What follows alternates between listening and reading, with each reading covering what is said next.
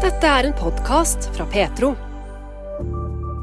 Hvordan er det å leve som kristen i et av områdene i verden med aller mest trosforfølgelse? Vi møter en pastor fra Kaduna i Nord-Nigeria, der over 5000 trosrelaterte drap ble begått i 2022. Da Ragnhild Angel ville arrangere dans for ungdommene i kirken hun var ungdomsarbeider i, fant hun ingen kristen musikk det gikk an å danse til. Dermed bestemte hun seg for sjøl å lage dansbar musikk. Og en dag i januar ringte telefonen til den 38 år gamle byggfaglæreren Werner Larsen. Etter den samtalen ba faren han om å se seg sjøl i speilet. Vi møter altså Werner Larsen, som denne høsten ble ny leder for Misjonssambandet sitt arbeid på Sør-Vestlandet. I denne utgaven av Petro-uken oppsummert møter vi òg Margit Hunemo, som reflekterer over bibeltekster fra bl.a. Matteusevangeliet kapittel 22. Men nå skal vi først til Nigeria. Efraim Parma er 42 år gammel, familiefar og pastor og biskop for flere tusen kristne i Kaduna, hovedstaden i den nordlige delstaten i Nigeria. Over 5000 ble altså drept i Nigeria bare i 2022, ifølge World Watch List. Bildet er sammensatt, og kamp om landområder eller beitemarker og innflytelse spiller òg inn. Likevel er det lite tvil om at mange ble drept rett og slett pga. sin tro i dette sharia-styrte området. Efraim Pama forteller at forfølgelse er blitt en del av hverdagen. Persecution to us, uh, particularly Christians in Nigeria or Christians in the northern part of Nigeria, is more or less a day to day event and activity.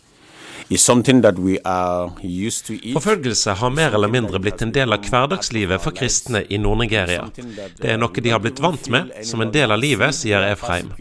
Forfølgelsen består ikke bare i faren for å bli drept. Myndighetene nedprioriterer veier og infrastruktur i kristne bydeler. Elever med kristne navn får kanskje ikke studere ved de beste skolene. Kristne ansatte kan miste jobben eller bli degradert til en dårligere stilling. Så forfølgelsen påvirker hele livet.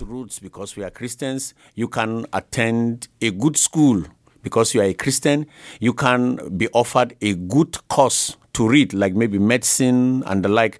No, they will not give you admission because you have Christian name. So the persecution cut across virtually everything we do in our lives. So it's just something that we are living with, and it's just something that is part of us. Graden av motstand eller forfølgelse har økt de siste årene, særlig siden 2015, sier Efraim Pama. Sjøl vokste han opp i et nabolag der kristne og muslimer levde side om side. Ved avslutningen av ramadan ville muslimer invitere nabolaget, inkludert kristne, til festmåltid. Og når de kristne feiret jul, ja, så gjorde de det samme og hadde festmåltid sammen med muslimske naboer. Sånn er det ikke nå lenger. Det har i større grad blitt separate kristne og muslimske områder i byen. Et viktig skille kom rundt tusenårsskiftet, da kristne protesterte mot at myndighetene i delstatene innførte sharialover. So when we go out to protest, which I'm part of those that went out for protest, we just go out with our leaves and just saying we don't want Sharia in the state. And then suddenly there was an attack. Efraim var del av protestene den gang. Mange mistet liv og eiendom, andre søkte tilflukt på politistasjoner for å unngå mobben. Mange kristne kunne ikke gå tilbake til eiendommene sine etter dette. Da krisen roet seg, valgte mange kristne å flytte til andre bydeler. Nå bor de fleste kristne i sør, mens muslimer bor i nord.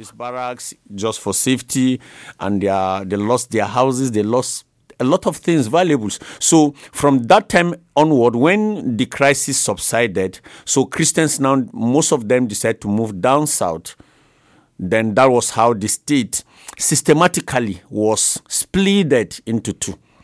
So Christians predominantly are in the south, Muslims dominance is in the north.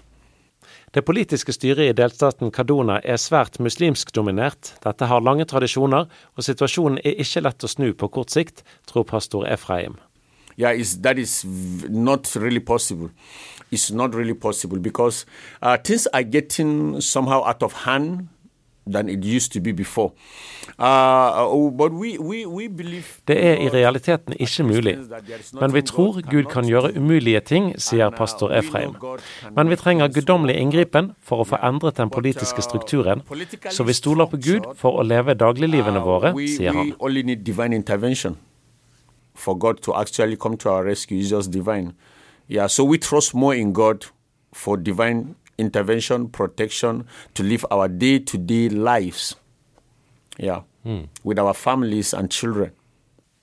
Efraim er pastor for en lokal kirke i Kaduna by, og er òg biskop eller tilsynsmann for syv andre menigheter i området, med totalt over 3000 medlemmer. Alle disse kirkene tilhører kirkesamfunnet Evangelical Church Winning All, eller EQUA, som har rundt fem millioner medlemmer på verdensbasis. Vold og forfølgelse kommer tett på pastoren, som sier at de har mistet flere hundre menighetsmedlemmer. Angrep og voldsepisoder kan skje når som helst og hvor som helst. Derfor er de veldig bevisste på sikkerheten og setter inn varierende tiltak. Eksempel har menigheten væpnede vakter som passer på under gudstjenestene. Det viktigste er likevel å stole på Gud, sier pastor Efraim.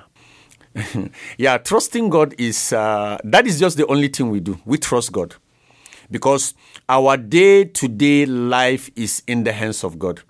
Yeah, when we wake up in the morning, we pray as a family. God, we keep our lives or we place our lives in your hands because you can come out this morning, but you may not return because you can, anything can happen to you at anywhere. Ja, alt vi gjør er å stole på Gud, for våre liv ligger i Hans hånd. Vi ber sammen hver morgen, for vi vet aldri om alle kommer hjem igjen til kvelden, sier pastor Efraim. Vi følger med i løpet av dagen, og noen ganger må vi hente barna på skolen hvis sikkerhetssituasjonen tilsier det. Så den daglige tilliten til Gud er essensiell i hverdagslivet. Du kan bli utsatt for angrep om natten, men det er Gud som vet om vi skal leve eller dø, så vi overgir alt til Han. Fienden hadde kanskje planer om å drepe meg, men Gud har bevart oss inntil i dag, sier pastor Efraim. We trust in you. And God has been sustaining us, has been keeping us. Though some are falling, yeah, by the wayside, yeah, some misfortunes comes, but we still trust God that He will keep us. So God knows when we are going to live, how long we are going to live. So we leave everything to Him. Yeah, based on the plan of the enemy today, maybe I, somebody like me, I wouldn't be alive today. But because of Jesus, I'm here today. So Jesus has been doing it and he will continue to do it. And the Bible says Jesus is the same yesterday, today, and forever. So, and that is very real in our lives. Det sa Efraim Pama, som nylig var på besøk i Norge for å fortelle om situasjonen i hjemlandet. Til daglig er han pastor og biskop for flere tusen kristne i Kaduna, hovedstaden i den nordligste delstaten i Nigeria. Dette var for øvrig bare et utdrag av et lengre intervju som du kan høre som egen podkast fra Petro. Du finner den på samme sted der du fant denne podkasten, og intervjuet det er gjort på eh, engelsk.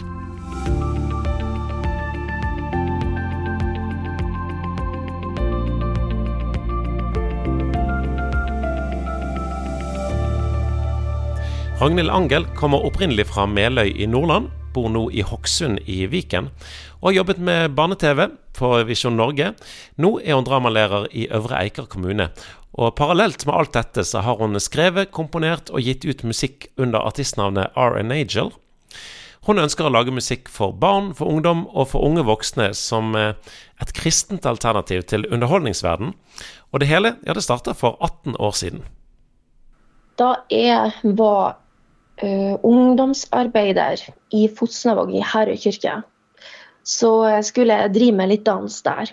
Og uh, Da var jeg 25 år, og jeg fant nesten ingen kristne sanger å danse med de ungdommene. Jeg var inspirert av Jesus Revolution, som gikk ut på gata og dansa til sin egen dansemusikk. Og det var veldig sterkt å se dem. Vi hadde ungdom i oppdrag. Vi var jo som sagt, vi hadde vært ute på gata og evangelisert. Og de, det trengtes musikk for evangeliseringsarbeid. Og jeg drømte egentlig om et team som var ute på gata også. Men som sagt, det var vanskelig for meg å finne den kristne musikken. Da opplevde jeg at Herren eh, la det på hjertet mitt at jeg skulle også lage kristen musikk for ungdommer som eh, kunne brukes eh, til evangeliseringsarbeid. Jeg har lyst til å bidra der. Jeg har lyst til å bidra med kristen underholdningsmusikk i de sjangrene jeg sjøl liker, som electronic dance music, uh, hiphop, old school hiphop, uh, R&B. Og jeg har lyst til å gi det alternativet til de som liker samme stil som meg, som ønsker å høre sånn musikk. Og at de kan få at de, kan, ja, at de kan rett og slett få det alternativet istedenfor det som verden gir. Jeg har lyst til å, å ha musikk som kan være døråpner til Herrens herlighet. Musikk er en nøkkel til eh, mennesker sitt hjerte.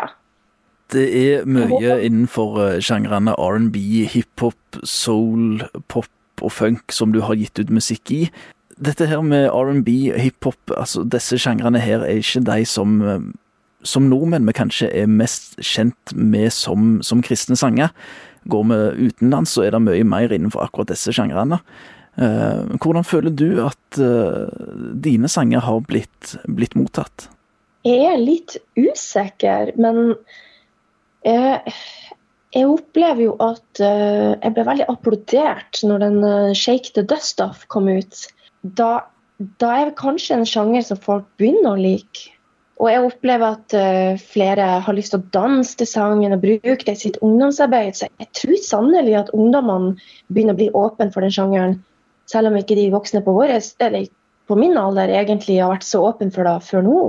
Jeg, jeg, tror den er på vei inn, tror jeg rett og slett. Ja, jeg har kanskje tatt en sjanse, rett og slett. Du nevnte sangen 'Shake the Dust Off', uh, som kom nå tidligere i år. Hva er det 'Shake the Dust Off' handler om? Jeg var så irritert over alt eh, det vonde jeg hørte mine søstre og brødre i Norge. Altså da kristne, mener jeg. Kristne søstre og brødre opplevde av eh, forfølgelse. Jeg kjørte bil en dag og bare fikk det for meg at, at uansett hva de sier til oss, og uansett hva de gjør imot oss, så eh, vet jeg at Herren, han, det, det er bare for en tid, så vil han reise oss opp og leke av med min fiende. fordi om ikke lenge skal Herren begynne å lyse for meg og, og, reise meg opp igjen. Og da ble det liksom bare at det bare kom det liksom, åh, De kan kalle oss for en hykler, de kan kalle oss for at vi, eh, at vi er sånn og sånn og sånn og gjør det og det og det. Og, men eh, hvis vi har gjort det for Herrens skyld, og vi vet at Herren er med, så vet jeg at Herren skal reise oss opp. Så det er egentlig bare å ryste av seg støvet og gå videre. Så Det er jo egentlig inspirert av det som står i Matteus, at uh, Jesus sendte de ut to og to, og når de kom til en by, så um, uh, Hvis de ikke ble tatt imot der, så skulle de ryste av seg støvet og gå videre. Det er jo det som er inspirasjon her. da. Det handler jo rett og slett Jeg oppmuntrer folk om å riste av seg støvet når de opplever motgang og uh, forfølgelse, og at, at det er som en kork når du trykker det ned, så blir det som en kork som blir tråkket ned i, eh, i, vannet. Og den spretter lenger opp enn det du har tråkket den ned. Og det stoler vi på, at vi skal få lov til å gå fra herlighet til herlighet når vi bare går, går med Herren og søker Han og, stoler på Han, altså. Det sa Ragnhild Angel, som ble intervjuet av Tollef Byrkjedal. Og vil du høre musikken hennes, ja, så kan du gå på Spotify eller andre strømmetjenester og søke opp artistnavnet hennes, som er RN Angel, altså R-apostrof-N, apostrof Angel. Takk for at du lytter til denne podkasten fra Petro. Liker du det du hører, setter vi pris på om du tipser andre om radiosendinger og podkaster fra Petro. Du finner oss på DAB, og både radiosendinger og podkaster er tilgjengelige i Petro-appen, som enkelt lastes ned fra Google Play eller AppStore. Spørsmål som har med kristen tro å gjøre, er ikke alltid like enkle. Det skal vi høre mer om nå, for den 38 år gamle firebarnsfaren Werner Larsen tar oss med til sin barndom og ungdomstid. De siste årene så har møbelsnekkeren fra Flekkerøy vært lærer i byggfag på den kristne friskolen Tryggheim videregående på Jæren. Men nå i august så begynte han som regionleder for Misjonssambandet sitt arbeid på Sør-Vestlandet. Oppveksten var altså på Flekkerøya, og eh, her er noen stikkord om hans barndomsøy. Å si noen få ord om Flekkerøy Jeg må vel være eh, direkte og åpent og ærlig. Eh, trygt. Ja. Jeg hadde noen veldig gode år i oppveksten på Flekkerøy. Eh, fikk møte eh, venner, generasjoner, eh, og, og, det var mange som var direkte og som var åpne og snakka med oss som små eh, og ungdommer, så det var, var veldig, veldig fin oppvekst. Mm. Du var 17 år på Flekkerøya og hadde oppveksten der. Eh, du vokste opp i et kristent miljø. Ja. Eh, hva betydde det for deg? Ja, Det har betydd kjempemye for meg. Jeg vokste opp i en kristen familie. Eh, mamma og pappa og leste andakt, eh, ba, sang med oss. Eh, to oss med på møter. Det var ikke alltid vi syntes det var like gøy, men en ser en, verdien av det, og en skjønte at det var viktig for dem.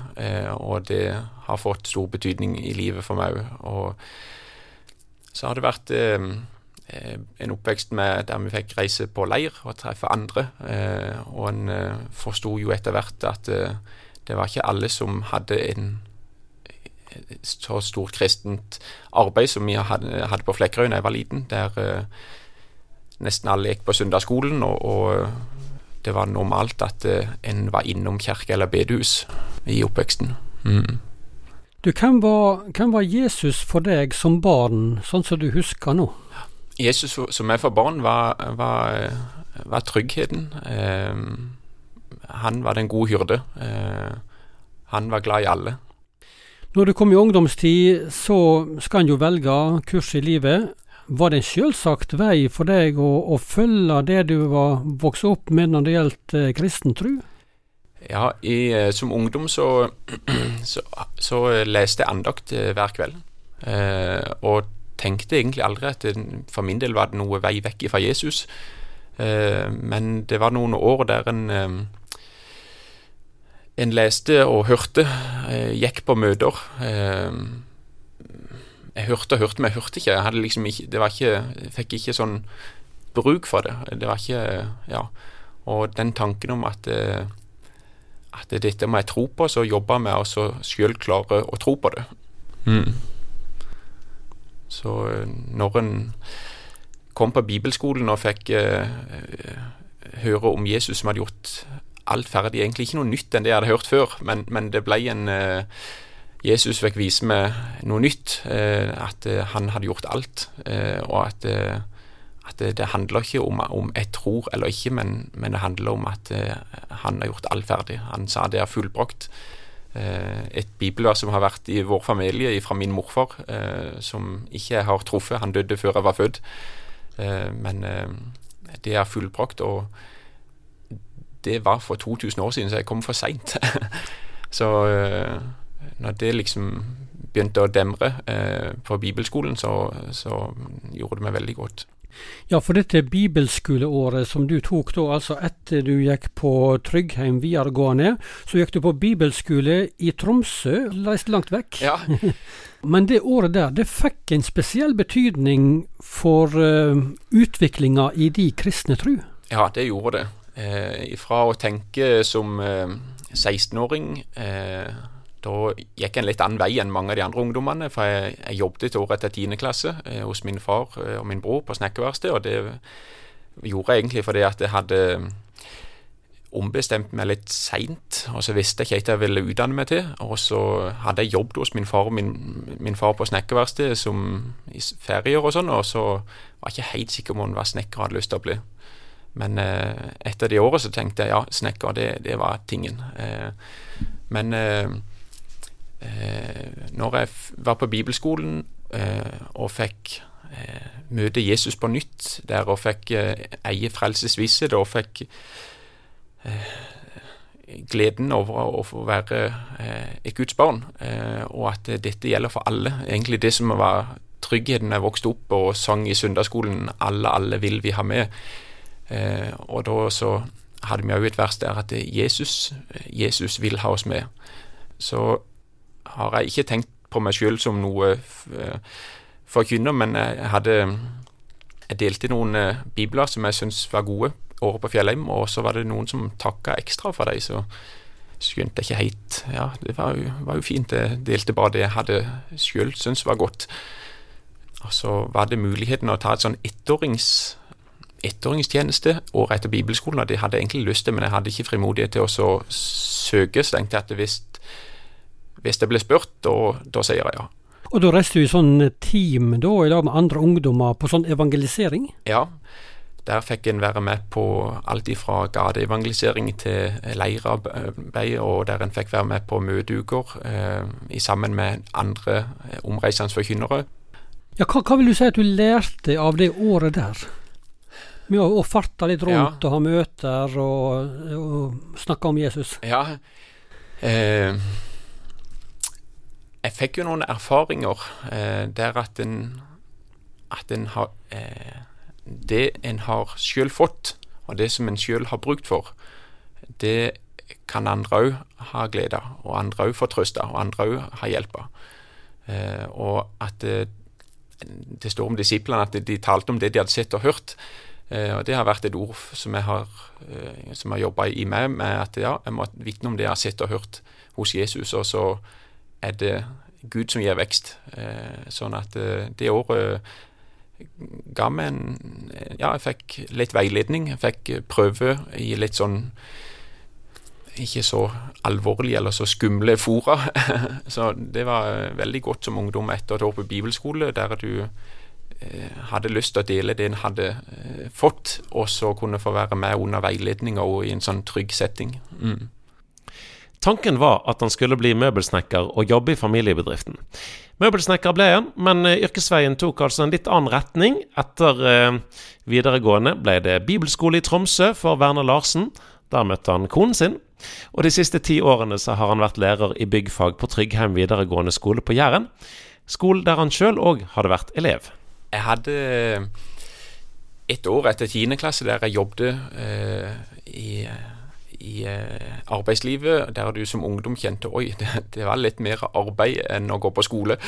Eh, og vi hadde mye overtid, for det var veldig mye å gjøre det året. Eh, så jeg jobba mange timer, og så kom jeg på, eh, på Tryggheim, og så fikk en eh, Når en gikk der, så trivdes jeg så utrolig godt. Eh, og så slo det meg når, når jeg jobbet der, at ja, det, det var en veldig fin jobb de lærerne hadde på, på, på snekkerlinja der. og eh, sånn eh, Så når eh, jeg gikk i, eh, gikk i lære etter jeg hadde vært på bibelskolen, etter jeg hadde vært i Nord-Norge-team, så plutselig så ringte det en telefon der en fikk spørsmål om å ta et om det var mulighet om jeg kunne være, ta et vikariat. Det var en som skulle ha permisjon.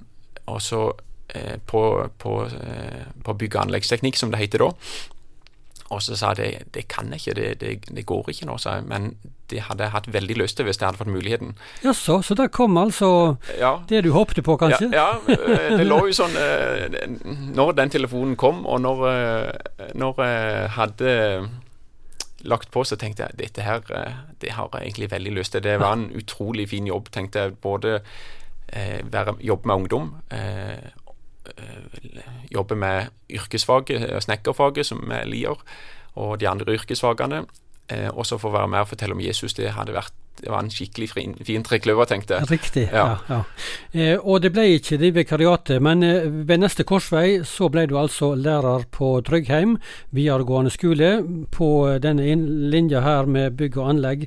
Eh, og eh, det ble en del år der. Eh, hvordan har du opplevd å jobbe blant unge mennesker? Du har fått jobbe med faget ditt osv. Sånn. Hvordan har du har opplevd det? Ja, det, det har vært kjempespennende. Ungdommene som kommer til videregående og VG1, eh, starter, har reist hjemmefra. Mange starter litt med litt blanke ark. De, og det er godt. Det er godt for alle å kunne få begynne litt med blanke ark. Og, og eh, som lærer på yrkesfag så får en mange timer sammen med ungdommene, blir godt kjent med dem. Eh, og da så kunne få være med og vise dem eh, det en tror på, eh, og fortelle om det en tror på, eh, og være eh, et medmenneske, og òg være lærer. Være med og gi dem en utdannelse, og støtte dem og veilede dem. Det har gjort at du kommer nært inn på ungdommene, og eh, ja, både de som eh, klatrer litt i gardinene, og de som eh, sitter fint på stolen, holdt jeg på å si. Det, det, er, det er veldig kjekt. Det det er mye fin ungdom, altså. Det er det. Mm.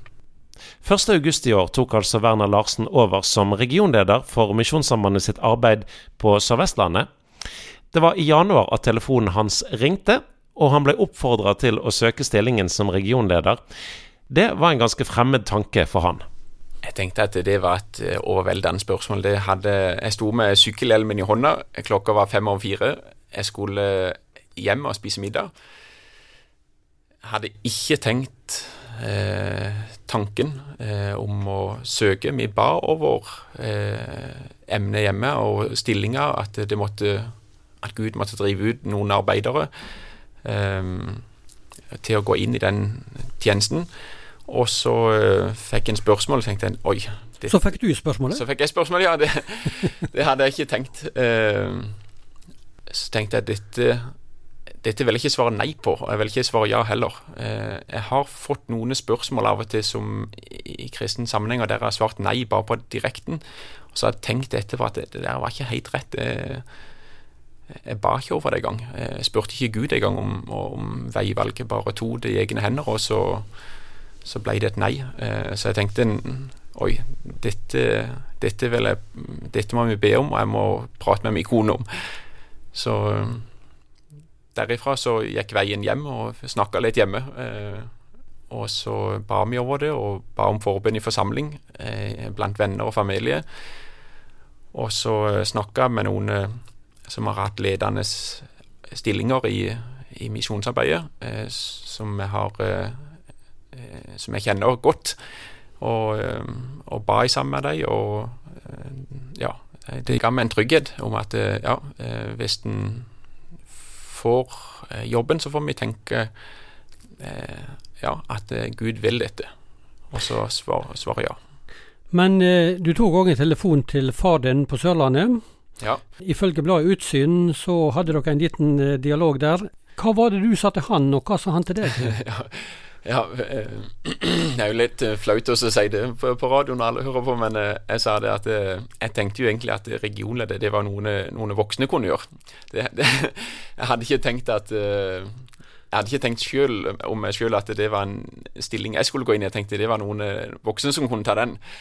Og så lo pappa litt, og så sa han ja jeg, skjønner hva du sier for noe, sånn, men jeg tror du må se det litt i speilet, og så tenke det litt om. Og så sa han ja, 37 år, 38 år det er ikke så Det er ikke gammelt til å bli regionleder eller kretssekretær, som det heter før, sa han. Men, men eh, det at det, eh, noen unge vil, eh, forholdsvis unge vil være med og drive misjonsarbeid videre, det er kjempeflott. Og det kan være til stor oppmuntring i seg sjøl, sa han. Og du har ti år på skolen som lærer der du har jobba med mennesker, og folk er folk, sa.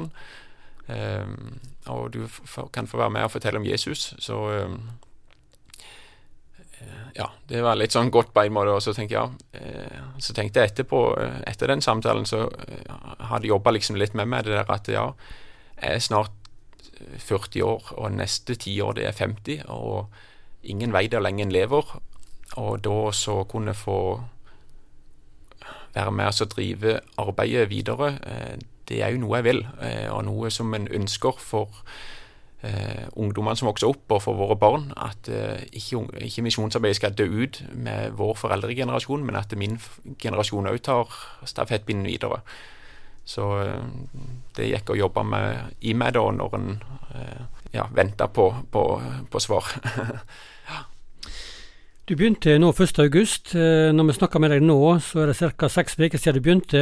Eh, hva inntrykk har du fått av jobben så langt? Ja. Inntrykket fra jobben så langt eh, Jeg har fått uh, møtt en del av de frivillige uh, rundt forbi, uh, sør og nord, i midten av regionen. Og det er veldig gledelig å få møte Eh, unge og eldre som har hjerte for at, eh, at folk skal få høre om Jesus. Eh, at vi sender dette evangeliet videre til de som ennå ikke har hørt. Jeg har fått møtt de ansatte. Hils på dem. Truffet noen nye medarbeidere. Vi er fire nye i regionen som starta nå i høst.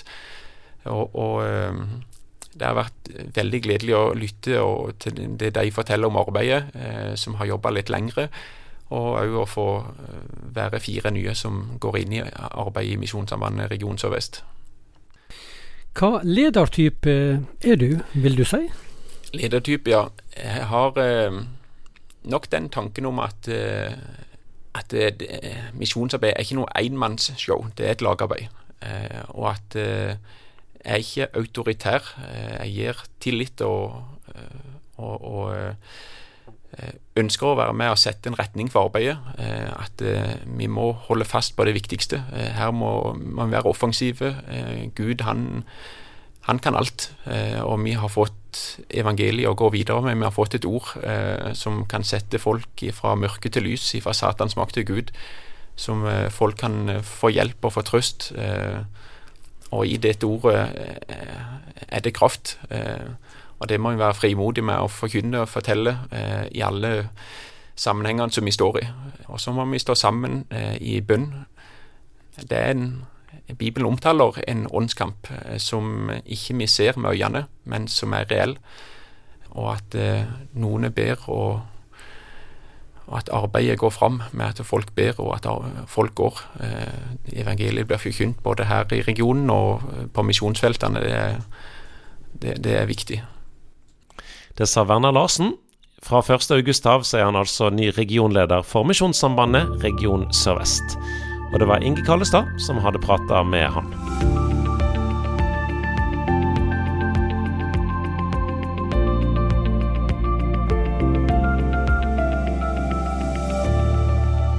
Vi har kommet fram til denne ukens refleksjoner. Det er Margit Hunemo som er med oss denne uken, og som har lest bibeltekster fra bl.a. Matteus evangeliet, tekster som òg skal brukes i Den norske kirkes gudstjenester kommende helg.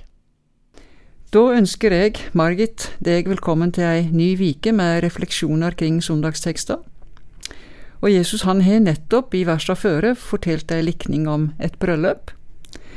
Så nå skal jeg lese de to første versa i søndagstekster ifra Matteus 22.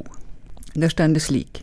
Da gikk fariserene bort og rådførte seg om hvordan de kunne fange han i ord.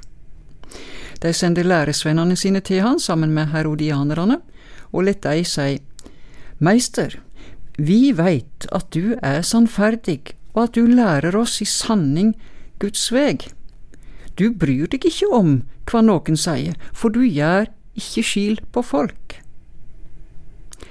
Fariserene, ja, det var jøder som holdt seg strengt til Moseloven, og de var sjølrettferdige og opptatt av å bli sett. Men herodianerne, da, hvem var de? Truleg så var de tilhengere av Herodes-dynastiet og deres samarbeid med romerstaten, men jeg setter ikke to strek under det svaret. Men utfordra Jesus deg på et dilemma? For dersom en valgte å stå i lag med fariserene, ja, da kunne en risikere at en ble skylda for opprør imot romerne. Herskermakta, altså. Men dersom en valgte å stå i lag med herodianerne, ja, da kunne en rett og slett få folket imot seg. Så jeg undres om du kan kjenne deg igjen i en sånn situasjon i din hverdag at hva du enn gjør, så må du ta et valg som innebærer en omkostning. Og det er ikke alltid lett.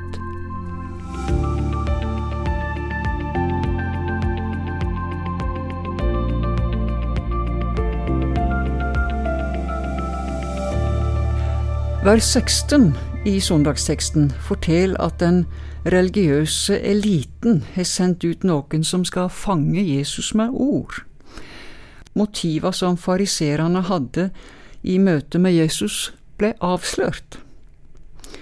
For i søndagsteksten Matteus 22 vers 16-18 så leser jeg slik De sendte læresveinene sine til han sammen med herodianerne og let de si. Si oss hva du mener, er det rett å gi keiseren skatt eller ikke? Men Jesus merka vondskapen deres og sa, Kvifor freistar det meg, de hyklerar? Jeg les siste setningen ein gong til. Men Jesus merka vondskapen deira og sa, Kvifor freistar det meg, de hyklerar? Wow! Jesus merka vondskapen deira og han merka kvifor freistar det meg, og så kalla han dei det hyklerer. Ja, hvordan kunne Jesus merke haldningane deres? Var spørsmålet deres så avslørende? Og har du noen gang vært i en slik situasjon at du er blitt tatt på fersken i noe som du har sagt eller gjort, noe som var kleint eller litt pinlig? Og hva gjorde du da med det? Bortforklarer du det? Pakka du det inn? Unnskyldte du deg? Eller vedgikk du blemma? Når Jesus peker på noe i ditt liv som ikke er greit, hva gjør du da?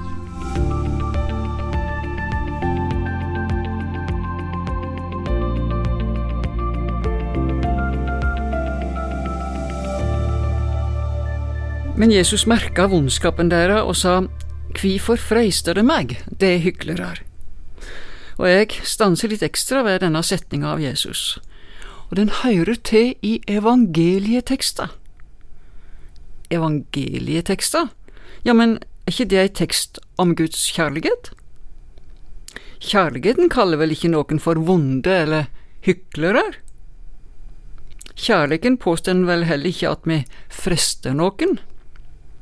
I ordboka om hykleri og slik så står det at hykleri er når en gir seg ut for å ha kjensler eller egenskaper en egentlig ikke har, og det kan være at en gir seg ut for å være noe annet enn en virkelig er, eller at en gir inntrykk av at en er mer moralsk eller velvillig eller from, ja, til og med at en gir uttrykk for strenge moralregler, men sjøl gjør umoralske ting uten at det blir oppdaga. Ja, det sier ordboka. Og jeg ble utfordra av at Jesus kaller de kristne lederne på den tida for hyklere. Men så har jeg tenkt, kunne Jesus ha sagt det samme til meg, og òg deg, i dag? Ja, våger jeg å la Jesus ransake og avsløre holdningene mine og motivene mine? Ja, beint fram, korrigere måten jeg representerer Jesus på i mitt hverdagsliv. Jeg undres hva du tenker at du kan gi Jesus lov til i ditt liv i dag.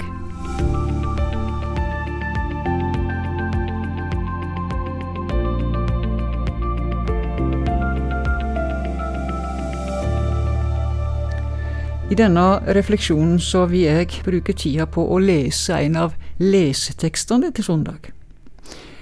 For i søndagstekster så hører vi at Jesus svarer eh, de som er sendt ut for å fange han i ord. Gi da keiseren det som keiserens er, og Gud det som Guds er. Men hvordan skal jeg forstå det? Og Da står det slik i leseteksten fra Romerbrevet kapittel 13, vers 1-7. Jeg leser. Hver og ein skal være lydig mot de styresmaktene han har over seg. For det finst inga styresmakt som ikke er av Gud, og de som finst, er innsette av Gud. Den som setter seg opp mot styresmakta, står derfor imot det Gud har fastsett, og de som gjør det, skal få sin dom. For de som styrer, de skaper ikke frykt hos den som gjør det gode, men hos den som gjør det vonde. Så vil du slippe å være redd for styresmakta? Ja, gjør det som godt er, og du skal få ros. For styresmakta er Guds tjener, til beste for deg. Men gjør du det vonde, ja, da har du grunn til å være redd. Styresmakta bærer ikke sverdet uten grunn, men er Guds tjener som set hans vreiedom i verk iver den som gjør det vonde. Derfor må det være lydige, ikke bare for å slippe straff, men òg av omsyn til samvittigheten. For det er òg grunnen til at det betaler skatt. For styresmaktene er Guds tjenere, og de er satt til å ta hand om slike ting. Gi alle det du skulle deg, betal skatt til den som skatt skal ha, og toll til den som toll skal ha. Ha respekt for den som har krav på respekt, og gi ære til den det skulder ære. Hva tenker du om dette avsnittet? Er det mest aktuelt for de som bor i andre land og opplever forfying fordi at de vil høre Jesus til? Eller når skal da jeg, som bor i Norge, ta disse orda på alvor i mitt hverdagsliv? og du i ditt. For handler ikke livet med Jesus nettopp om det at hvert steg som jeg tek her på jorda, er et vitnemål om hva mål jeg har for livet?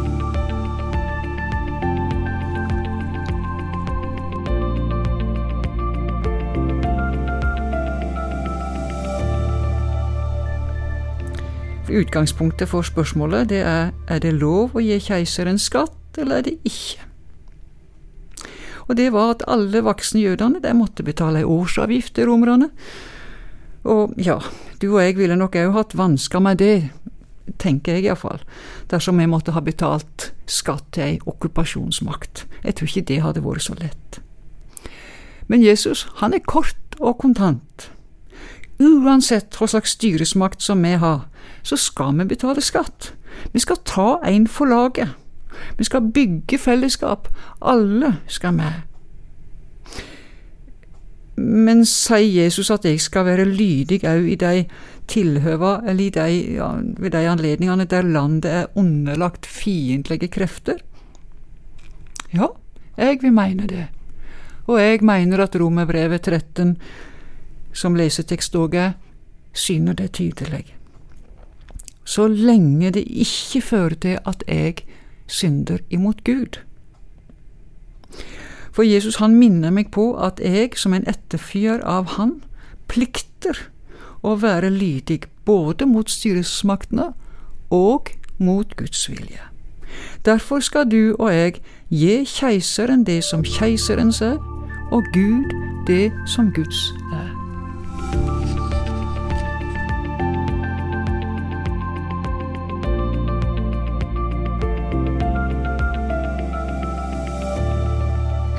Utsendingene fra fariserene og herodianerne hørte Jesus svar, så undra de seg, og så gikk de bort. De kom for å fange han i ord, men hva var det som skjedde? Fikk de ikke svar? Ja visst fikk de svar, og de fikk et svar som utfordra holdningene deres, motiva deres. Jesus han sa, Gi Gud det Guds er. Hm, hva er det? Hva vil det si å gi Gud det Guds er? Handler det bare om penger? Eller hvor mye må jeg gi? Hva med tida? Være til stades der jeg er? I heimen? Med venner? Når jeg er på møte? Handler egentlig Jesus svar om å gi meg sjøl? Og hvordan kan jeg gi meg sjøl til Gud. Bli underlagt Hans vilje, Hans mening og mål med livet.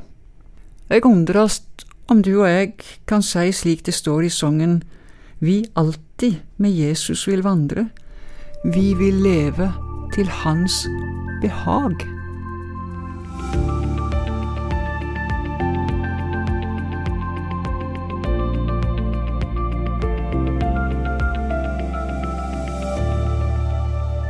I kristen språkbruk så sier vi ofte at det vi har, det har vi fått av Gud. Og med det så mener vi at Guds gave er at du og jeg er skapt av Han.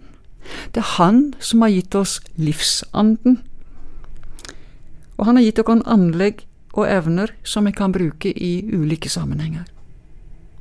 Så det viktigste Gud har gitt oss mennesker, det er tilgjeving og frelse ved Sønnen hans, Jesus Kristus. Det er det mest dyrebare som Gud har gitt. Så jul, påske, Kristi himmelfartsdag og pinsehøgtid, ja, det er ikke bare fridager som du kan nytte til hytte og turer, nei da. Høgtidene, de er ei påminning om Guds kjærlighetsgave til deg. Derfor er mitt spørsmål til deg i dag, og til meg sjøl, hvordan kan jeg og du gjøre det Jesus ber oss om, gi det som er Guds? Og kan du gi Gud som ei kjærlighetsgave i dag? Ja, i takk til Gud for alt det du har fengt. Må Gud få velsigne helg og hverdag i ditt liv videre. Ha ei god helg.